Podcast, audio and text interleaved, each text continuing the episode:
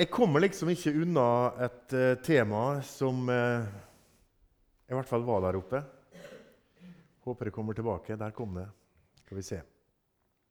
Fungerer det også? Det gjør det visst. Så bra. Det skjer mye i Israel om dagen. Det vet vi vel alle sammen. Og så um, er det så veldig mange slags reaksjoner på det som skjer, eh, hva som står i Bibelen. Og så har vi kristne som er egentlig på begge sider. Vi har kristne mennesker som eh, ignorerer Israel fullstendig. Og det har ingenting med Bibelen å gjøre, dagens Israel. Og så har vi kristne som tilber Israel. Og det er jo like galt. Og så, Hva er greia med Israel? Hva er det som skjer? Hvordan skal vi forholde oss til det? Jeg hadde bare lyst til å ta dere litt med inn i det. Og Hvorfor gjør vi det? For min egen del så har dette temaet her egentlig med frelsesvisshet å gjøre. Og det høres kanskje rart ut. Men du skjønner det at når jeg ser at Gud står ved sitt ord, så får jeg frelsesvisshet. For da skjønner jeg at Gud han står ved sitt ord også når han sier han tilgir syndere som meg. Så det å få øye på Guds eh, allmakt og hans eh, kontroll med alt som skjer, og at han står fast ved sitt ord, det er trosstyrkende, og det gir òg frelsesvisshet.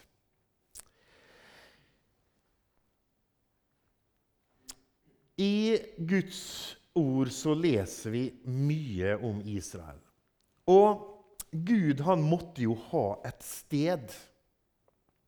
Han måtte ha et land, og han måtte ha en by. Ikke sant? Han skulle jo åpenbare seg. Og Jesus måtte komme fra et sted. Så kan du vel si det at ja, eh, hvorfor kom ikke Jesus til Norge, da? Det hadde jo vært litt eh, kjekt om Jesus var nordmann, ikke sant? Men han er jo ikke det. Det hadde jo vært litt kjekt om han kom fra Molde, syns nå jeg, da. At han var moldenser, liksom. Ja, men altså Han måtte komme fra et sted. Han er født i Betlehem, så det er jo en by. Det ble ikke Molde, men det ble Betlehem. Det ble i Israel, et land. Og det var Gud som bestemte, så sånn er det jo bare. Han er jøde i dag, Jesus. Så min beste venn, han er jøde. Bare så dere vet det, for det er Jesus. Og i Bibelen så leser vi om Israel ca. 2350 ganger. Og hvis vi tar med der det står landet og høyden og området, så blir det atskillig flere. Og så er det ca. 1180 kapittel i Bibelen. Så i snitt da, to ganger i hvert eneste kapittel leser vi dette her navnet her. i gjennomsnitt. Så at det har noe med Bibelen å gjøre, det er i alle fall sikkert. Og Jerusalem 800 ganger. Byen og landet har noe med vår tro og med vår bibel å gjøre. Gud måtte som sagt ha et folk til å fortelle om han, om gjerningene sine. Han måtte jo gjøre dette her et sted, så han kunne vise sin rettferdighet, sin allmakt, hvem han er, hvem er Gud. Og at han kunne profetere og oppfylle profetier. Det måtte skje et sted, her på jorda. Og Det har han gjort gjennom dette landet og dette folket. Og noen måtte skrive det ned. Altså, Noen måtte jo skrive ned historia til folket sitt. ikke sant? Vi i Norge vi har jo Snorresagaen. Det var jo noen som var flinke å skrive ned historia vår. ikke sant? Og her kom Gud til dette området og til dette landet og satte i gang historia til dette folket. Og de skrev det ned. Guds ord. Messias måtte forutsies. Han måtte komme fra dette folket og ifra dette landet. Og det er jo sånn som vi leser i Johannes. Eh, frelsen kommer fra jødene. Og det er en kjent sak hvor Vår Herre er rundet av Juda. Han er av Judas stamme. Så han er ikke moldenser, han er fra Judas stamme ifra Betlehem.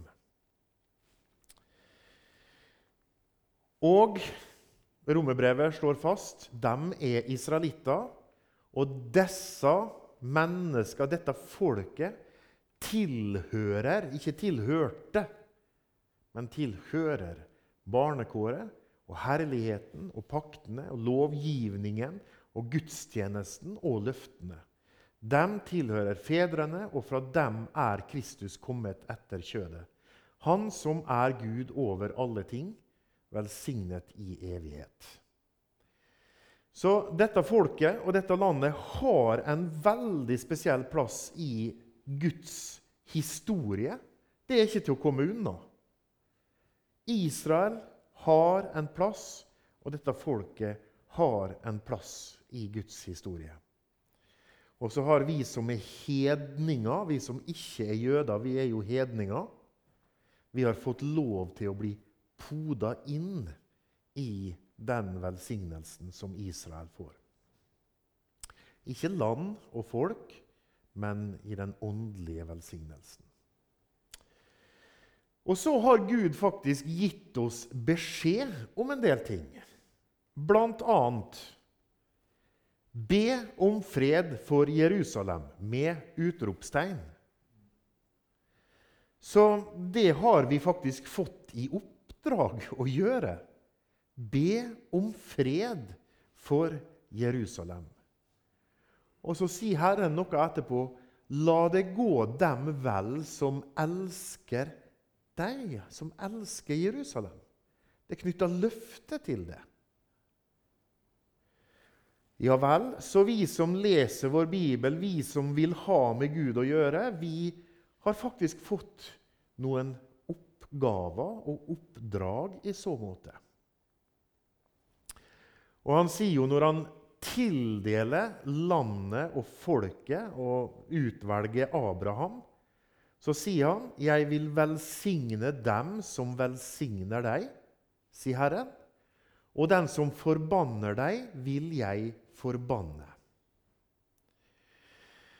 Så det er tydelig at Gud han gir oss både oppgaver og oppdrag, og han knytter løftet til hvordan vi oppfører oss i forhold til dette folket og dette landet. Og han sier at han eier dette landet. Herren selv eier dette landet. Så det er hans eiendom. Det er ingen andre sin eiendom. Det er han som eier det. Og så har jeg tenkt litt på det neste bibelverset her. Den som rører ved dere, rører ved hans øyensten. Det er noen som driver og trykker fingeren sin inn på Guds øyensten for tiden. Og skrekk og gru. Det er ganske voldsomt. Det sier altså Herren. Den som rører ved dere, rører ved hans øyensten. Og ikke bare landet tilhører Herren, men Guds by, står det om Jerusalem. Og Guds berg og Guds fjell. Og Dette kan vi lese om mange ganger. Moriaberget, ikke sant? Dette fjellet, dette stedet som tilhører Herren Gud. Og så vet jeg ikke om du har lagt merke til dere i Romerbrevet 15. Men vi får en ganske tydelig beskjed. Hedningene, det er oss har hedningene fått del i Israel sine åndelige goder. Da er de også skyldige, altså vi hedninger, til å tjene dem med de timelige ting. Så Det sier Den hellige ånd til oss gjennom Paulus i romerbrevet. Har vi fått del i er vi blitt poda inn, ja, så er vi skyldige til å tjene dem med de timelige ting. Så det er eh, Bibelens klare oppfordring til oss som tror på Bibelen, og som kjenner Herren. Og så har han jo sagt Han har forutsagt at Jerusalem skal være en tomleskål for alle folkeslagene rundt omkring. Er ikke det litt rart at Jerusalem egentlig er på nyhetene uansett hva som skjer av galskap i resten av verden? Ukraina har jo omtrent drukna. Vi har ikke hørt noe mer om Putin. vi. Putin er jo ikke lenger en uh, vanskelig kar, virker det nesten som. Nå er alle midler på Israel. Og alt som skjer i Afrika og i Afghanistan og Pakistan og eh, Altså, det bare smuldrer bort. For her er det Jerusalem det er snakk om. Jerusalem skal være en løftestein og det skal altså gå slik som Herren har sagt, at de som løfter på den steinen, de skal såre seg selv. Og så er det ganske mange antisemitter og mange som er anti det israelske folk nå. Men eh, her sier faktisk Herren at alle jordens hedningefolk skal samle seg mot det. Så det er jo ikke hyggelig lesning, det som angår Israel og jødefolket sin fremtid. Det er det absolutt ikke. Men når vi ser ting skjer i tiden, så ser vi altså tegn på at det Gud har sagt, ja, det kan sannelig komme til å gå i oppfyllelse. Verden endrer seg så fort, på et øyeblikk. Plutselig så går Russland til krig mot Ukraina. Det var ingen som hadde forutsett det. Endra hele verden på et øyeblikk. Handel og sanksjoner, masse som skjedde. Politikken og folk og mennesker og land. Det, altså, det snur seg så fort at det er jo Det som Herren har sagt, det kan skje jo før vi vet ordet av det. Og Nå har vi sagt litt om egentlig Israel sin plass i historien. At, at vi, vi, kjenner til dette landet. Det var der det skjedde, og vi skal be for dette landet, og vi skal velsigne dette landet.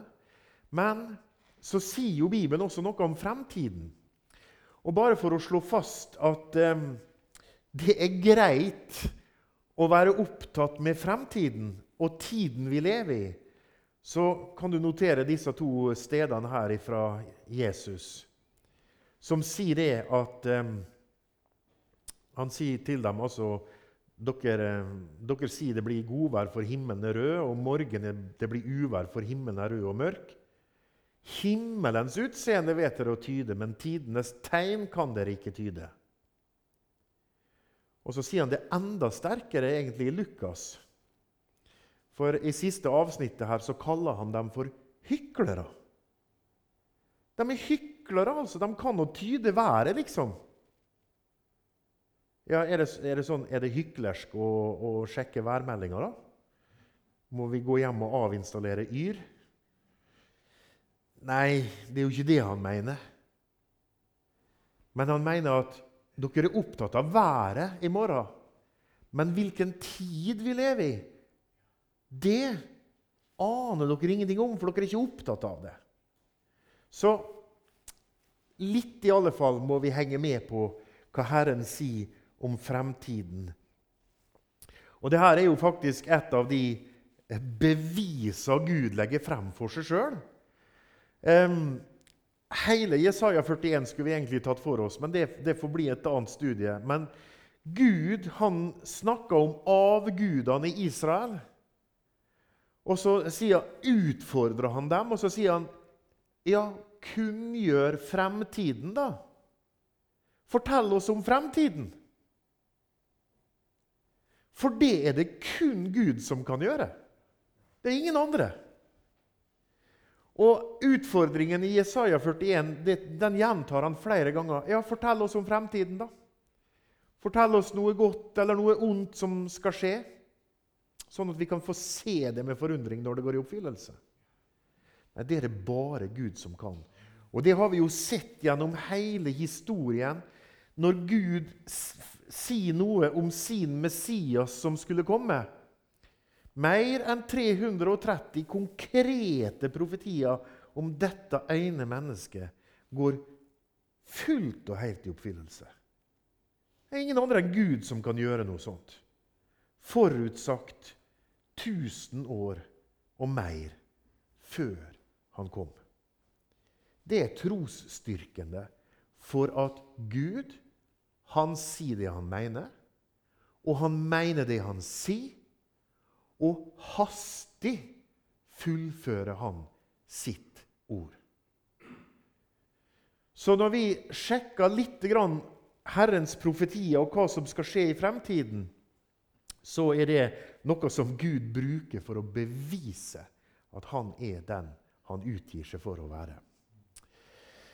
Her har jeg plukka tre skriftsteder som to av de sier litt om fremtiden, og det midterste sier litt om fortiden. Det øverste avsnittet her det er Jesus som snakker om en trengsel som skal bli så stor at det har ikke vært en sånn trengsel fra verdens begynnelse til nå, og heller ikke mer skal bli. Og Den trengselen leser vi ganske mye om i Guds ord. Slik at vi, vi vet i hvert fall noe om hva som skal skje i trengselstiden. I Amos 9,9 så får vi høre at israelsfolket skal ristes blant alle folkeslag. Det skjedde i år 70. Da begynte de og ble drevet ut av dette landet, og så har de bodd rundt på hele kloden siden da. Men så kommer Amos 9, vers 14 og 15, og det snakker igjen om en fremtid. Jeg vil gjøre ende på mitt folk Israels fangenskap. De skal bygge opp igjen de ødelagte byene og bo der og plante vingårder og drikke deres vin. De skal dyrke opp hager og ete deres frukt. Jeg vil plante dem i deres land, og de skal aldri mer bli rykket opp av sitt land, det som jeg har gitt dem, sier Herren en Gud. Og så ser vi på en måte at ja, noen av disse tinga de begynner vi å se at de skjer. Ikke helt og fullt. Og Guds ord taler om at de skal bo i fred med sine omgivelser. Det skal være fred for Israel. Det ser vi ikke nå. Men vi ser at tingene begynner å skje. De begynner å flytte hjem til landet sitt. ikke sant? Så hvis du tar med deg disse avsnittene her, og så ser du at fremtiden, forteller Bibelen, bringer en trengselstid og et rikets tid. Og Når vi da begynner å se litt rundt oss at ting som Bibelen snakker om, skal skje i disse tidsperiodene, at vi faktisk begynner å se noe av det skjer, ja, da skjønner vi jo at nå begynner det å nærme seg noe. Ikke sant? Vi skjønner at det begynner å nærme seg det som Gud har sagt. Og vi leste at Israel skulle tilbake igjen til landet sitt. Ja, har det begynt å skje? Altså, de har levd i 2000 år uten å være i landet sitt. Ja, og så sier jo Jesaja Kommer et land til verden på en dag? Blir et folk født på en gang? Det er jo et retorisk spørsmål. Fordi når jeg samler Israels hus fra de folkene som de er spredd iblant, da vil jeg hellige meg på dem for folkenes øyne. Og de skal bo i sitt land, det som jeg ga min tjener Jakob. De skal bo trygt der. Ja, det har jo ikke skjedd ennå. Det hører fremtiden til. Mens jeg holder dom over alle dem som bor rundt omkring dem, ja, det har jo ennå ikke skjedd. Og de skal kjenne at jeg, Herren, er deres Gud. Så det er jo slik når vi leser det profetiske ordet, at ja, det er noe som skal skje i fremtiden. Men har det skjedd noe som viser oss at dette begynner å nærme seg? Blir et land født på én dag? Ja, et land blei født på én dag. 14. mai 1948. Har aldri før skjedd i verdenshistorien at et sånt land som før eksisterte, bare på én dag gjenopprettes. Og så begynner folk å reise tilbake til landet. For min del så kan ikke dette her være noe annet enn et mirakel som Gud står bak. Og det er for min del trosstyrkende, for jeg ser at midt inn i verdenspolitikken så håndterer Gud det som skjer. Han er på tronen, han bestemmer. Han har full kontroll. Og så er det jo sånn, da, at um, dette landet er jo nå gjenoppretta.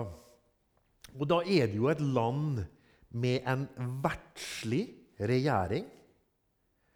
Et land som har mennesker som sitter på toppen, som sannsynligvis ikke gjør alt rett. Og Det syns jeg er litt viktig for oss som er kristne å huske på. Um, altså, Jeg var i militæret mens Gro Harlem Brundtland var statsminister. Jaha, hvorfor sier du det? Jo, fordi at jeg forsvarte Norges rett til å eksistere sjøl om jeg var fullstendig uenig med hun som satt og regjerte. Som innførte lover og regler som var helt på jordet. Men jeg gikk i militæret. Jeg forsvarte Norges rett til å eksistere. Og Det er litt viktig å ha med seg. Og en annen ting er jo bare ei liste over konger som har regjert i Israel. Hvor mange trivelige konger finner du her? Det var ikke mange. Altså Horrible. Noen som er rett og slett helt totalt ute å kjøre. Gud har velsigna dette folket og dette landet på tross av.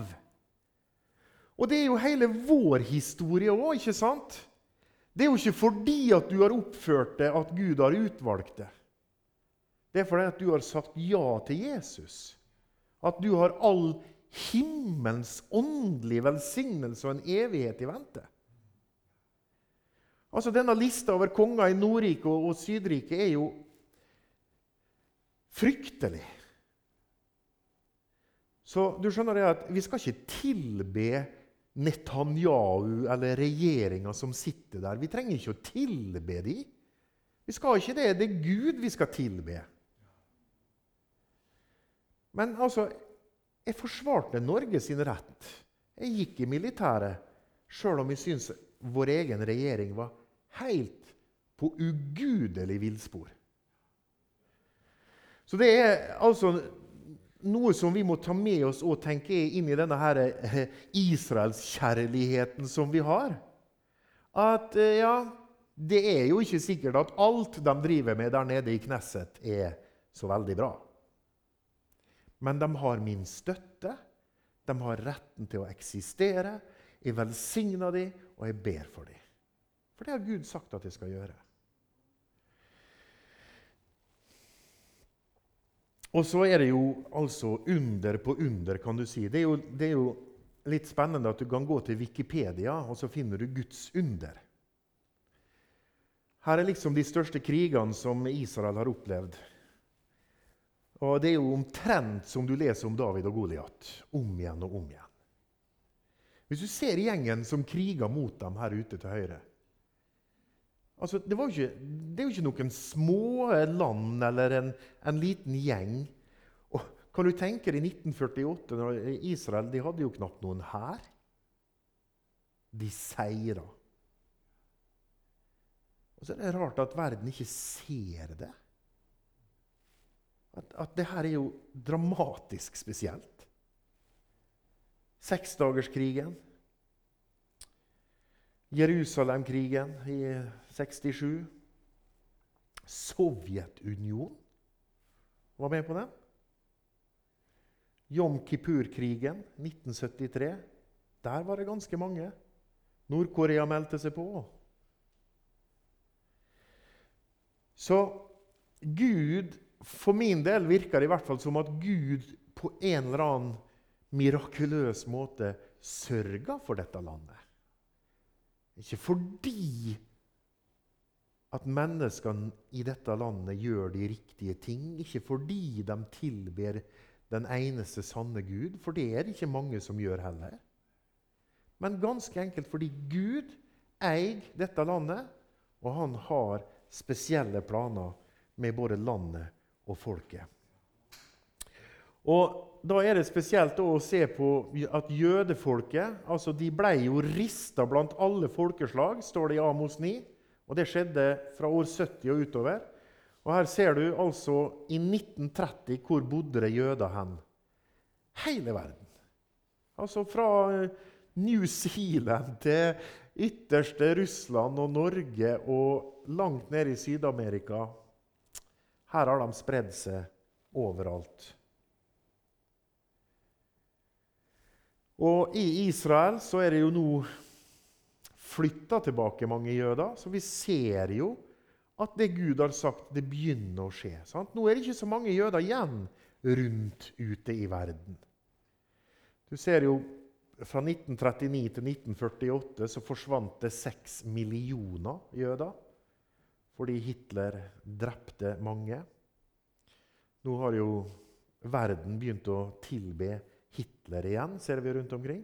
Det tegnes hakekors og nazisymbol, og eh, folk legger ut eh, eh, altså bilder av Hitler og syns det var flott, det han gjorde. Så denne krigen som nå pågår, den skaper jo altså en veldig antisemittisme i hele verden. Cirka sju eh, ja, i, i, år er det vel godt over sju millioner jøder i Israel. Så det er i hvert fall langt over halvparten som nå er i Israel. Og nesten resten er i USA. Fordi der har det vært trygt å være jøde.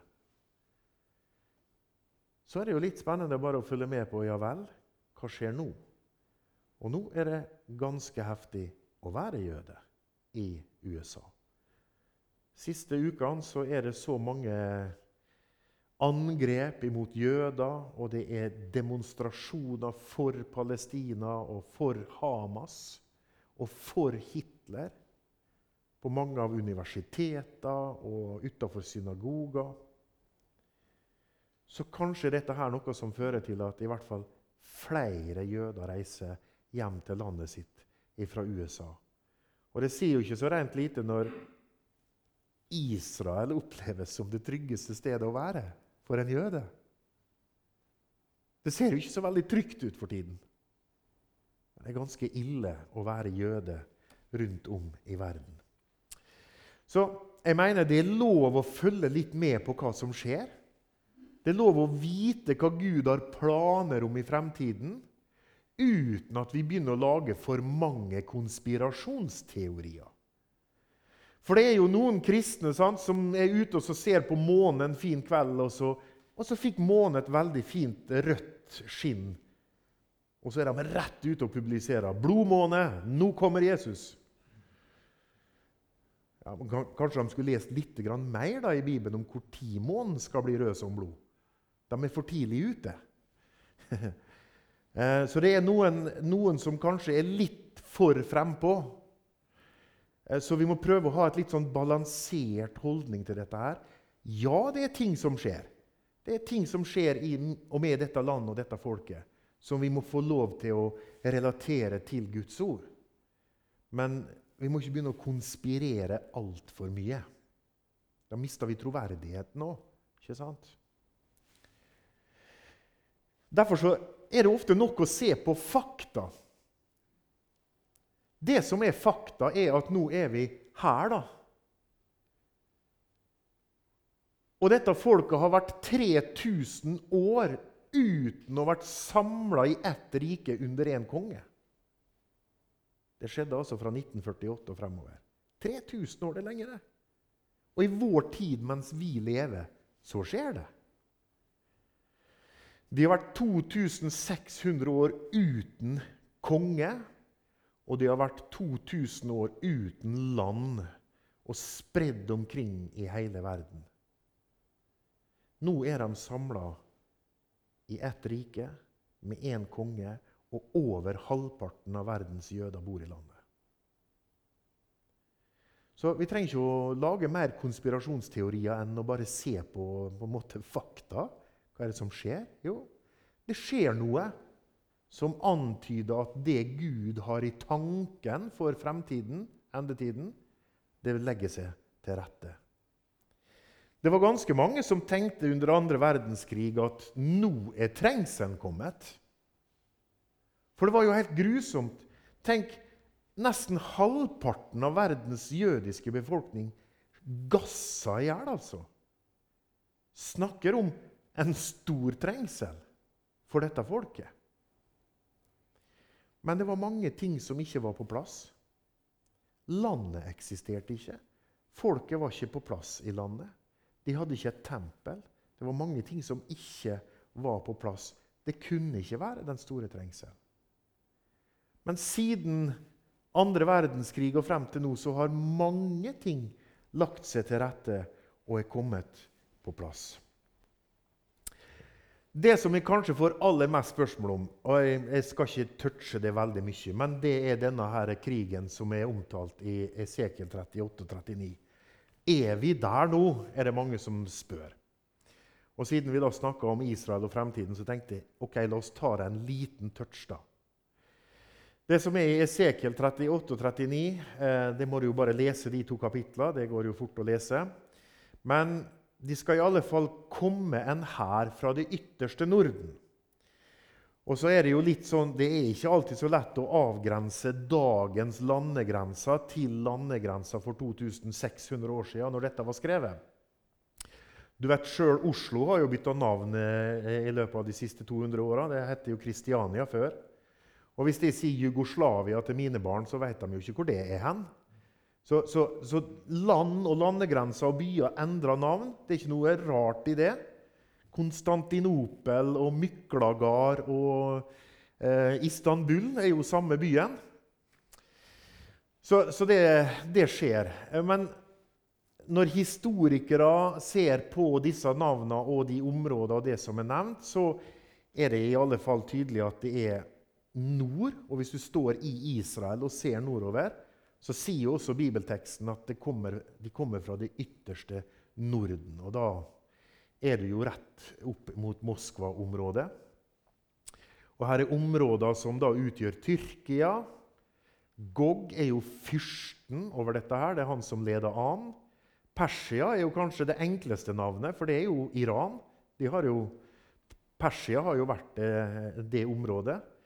Og tenk på Persia, som egentlig har vært Israel sin støtte helt opp til 1979. Så dette her kunne jo ikke skje før 1979. Det var jo da eh, ayatollahen kom til makta i Iran og snudde opp ned på hele politikken. Før det så var det jo Israel sine venner. Og for å si det sånn eh, Russland har jo ikke hatt noen styrke heller på 2600 år. Hvordan tror du de tenkte, de som leser Bibelen sin? altså for 2000 år siden. Dette var en fryktelig rar profeti. Dette kan jo aldri gå. Men så lever vi i en tid hvor vi ser at oi, tingene skjer fort. Det snur. Um, det står om Etiopia og Libya eh, bl.a. her. Og så sjekker vi krigen og det som pågår i Israel nå. Ja, Det mangler kanskje noen land her. Kanskje er, det ikke, kanskje er vi ikke helt der enda. Denne Gog-krigen er litt vanskelig å tidfeste. Det, det, sier egentlig alle bibellesere. Det er vanskelig å tidfeste når den skal skje. Blant annet så har vi jo, eh, har vi jo disse utsagnene her om at Israel bor trygt Dette er altså før krigen bryter ut. Da bor Israel trygt. Og så er det jo kanskje sånn at ja, eh, før den 7. oktober så var kanskje israelsfolket litt for overtrygge. De fulgte ikke helt med. Er det noen som da tenker eh, Jeg tror kanskje ikke det. Jeg tror kanskje at dette har med rett og slett trengselstida å gjøre, hvor Israel skal ha signert en avtale, en fredsavtale, som gjør at de faktisk bor trygt. Um, I alle fall så er det dette vi har å forholde oss til når det gjelder denne krigen. Altså, De skal bo trygt. De er fredelige på den tid når mitt folk Israel bor trygt. Uh, så det er det ingen tvil om. Og Det gjør det kanskje litt sånn vanskelig å plassere. I tillegg så har vi noe som skal skje etterpå, etter krigen. Så skal de i sju måneder holde på å begrave, for det er jo Gud som seirer i denne krigen. Gud fører jo Israel til seier i denne voldsomme krigen. Og så skal de holde ilden ved like. altså De skal brenne opp militærgodset. Jeg vet ikke om det er diesel de skal brenne i, eller om det er atomvåpen som skal brenne, men de skal i hvert fall brenne ilden etter ute på slagmarka i sju år. Og Det også gjør det kanskje litt sånn eh, vanskelig å plassere dette. her. Etter krigen så skal det altså være sju år hvor de skal ha bruk for å brenne dette her eh, godset fra krigen. Så som sagt, denne krigen er litt vanskelig å plassere. Men jeg tenker det er, i alle fall lov å følge med på hva som skjer i Israel nå. Og bare se at eh, det, det, er noen konstellasjoner som er ganske lik det vi ser i Bibelen. Og så er det jo sånn med profetier i Guds ord at du, du av og til får en smakebit. Det har vært mange smakebiter av antikrist opp gjennom historien. Ikke sant? Helt tilbake fra Haman og Ester. Haman skulle drepe alle jøder. Antiokus Epifanes skulle drepe jøder. Hitler skulle drepe jøder. Altså det, har vært, det har vært noen som eh, nesten kanskje har vært der. Men profetien har ikke gått i oppfyllelse.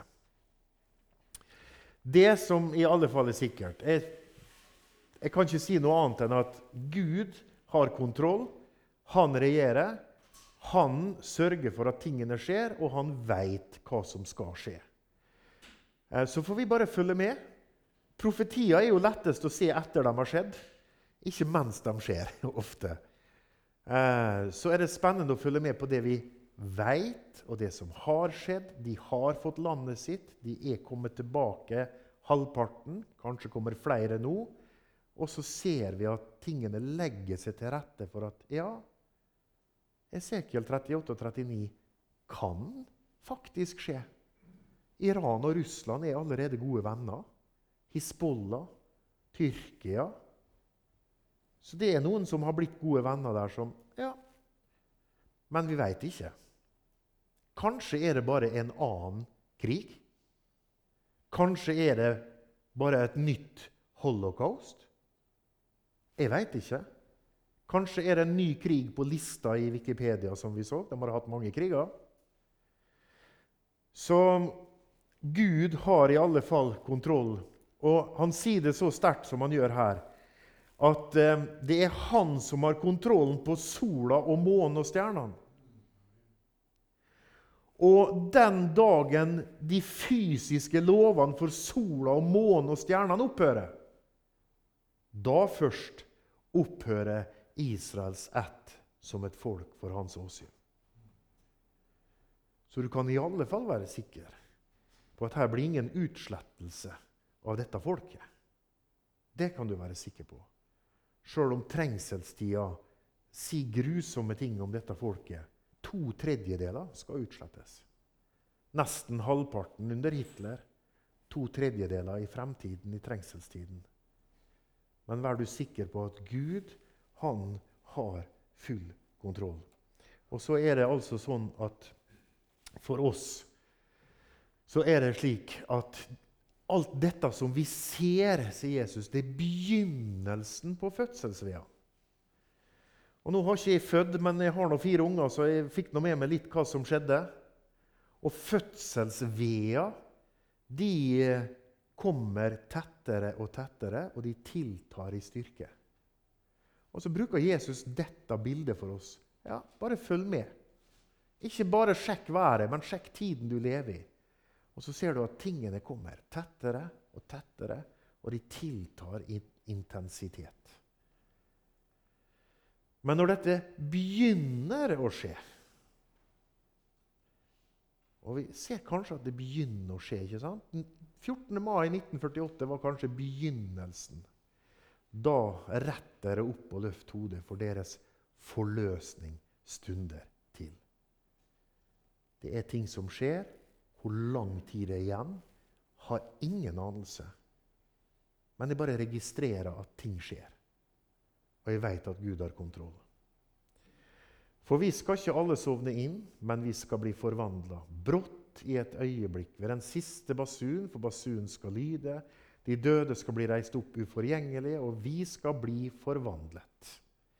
Deretter skal vi som lever, som har blitt tilbake, sammen med dem rykkes opp i skyer, opp i luften for å møte Herren. Og så skal vi for alltid være sammen med Herren. Når du ser disse ting begynne å skje, så løft hodet.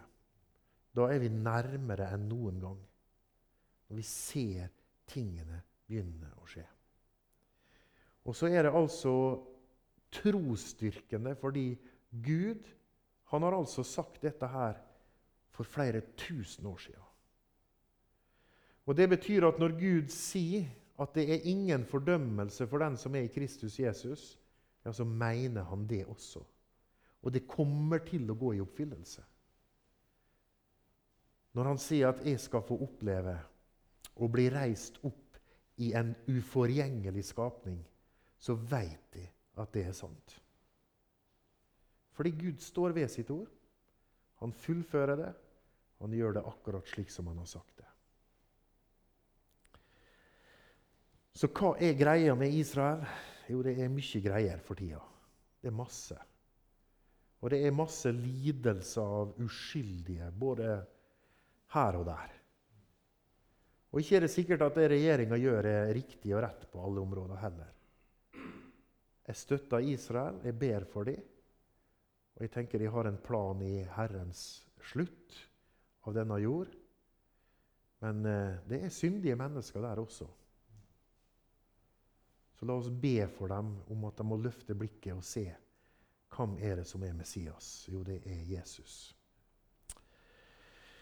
Kjære Gud i himmelen, jeg har lyst til å takke deg for det at du har full kontroll. Du har, eh, du har sagt i ditt ord hva som kommer til å skje. Du har sagt noe om fremtiden, og du har sagt at vi skal følge med i den tiden som vi lever i. Og Jesus, jeg vet at du, du står og venter på et vink fra din far. Du lengter etter å hente din brud hjem. Du lengter etter at din brud skal få komme hjem til bryllupsfest og til å være til pryd for din herlighet, Jesus. Og vi vet at det er sant. Vi skal bli forvandla og få et herliggjort legeme og vi skal hjem til det og være i bryllupsfest. Og så kan det være at tiden heretter er kort for meg eller for enkeltpersoner her inne. Eller så kan det hende at tiden heretter er kort for hele din menighet. Det veit ikke vi. Men vi ser antydninger til at ting som skal skje i fremtiden, de begynner å legge seg til rette. Hjelp oss å følge tiden med. Følge med i tiden, Jesus. Hjelp oss til å ikke tilbe ditt land, men hjelp oss å be for ditt land. Hjelp oss å be om fred for Jerusalem. Og så vet vi at det blir ikke fred før fredsfyrsten kommer og oppretter fred. Takk for ditt ord. Takk for at du hastig fullfører ditt ord, Gud. Takk for at du står ved alt du har sagt. Takk for at derfor så er det også fullkommen frelse i ditt blod, Jesus. Det renser ifra all synd. Fordi alt ditt ord er sannhet. Amen.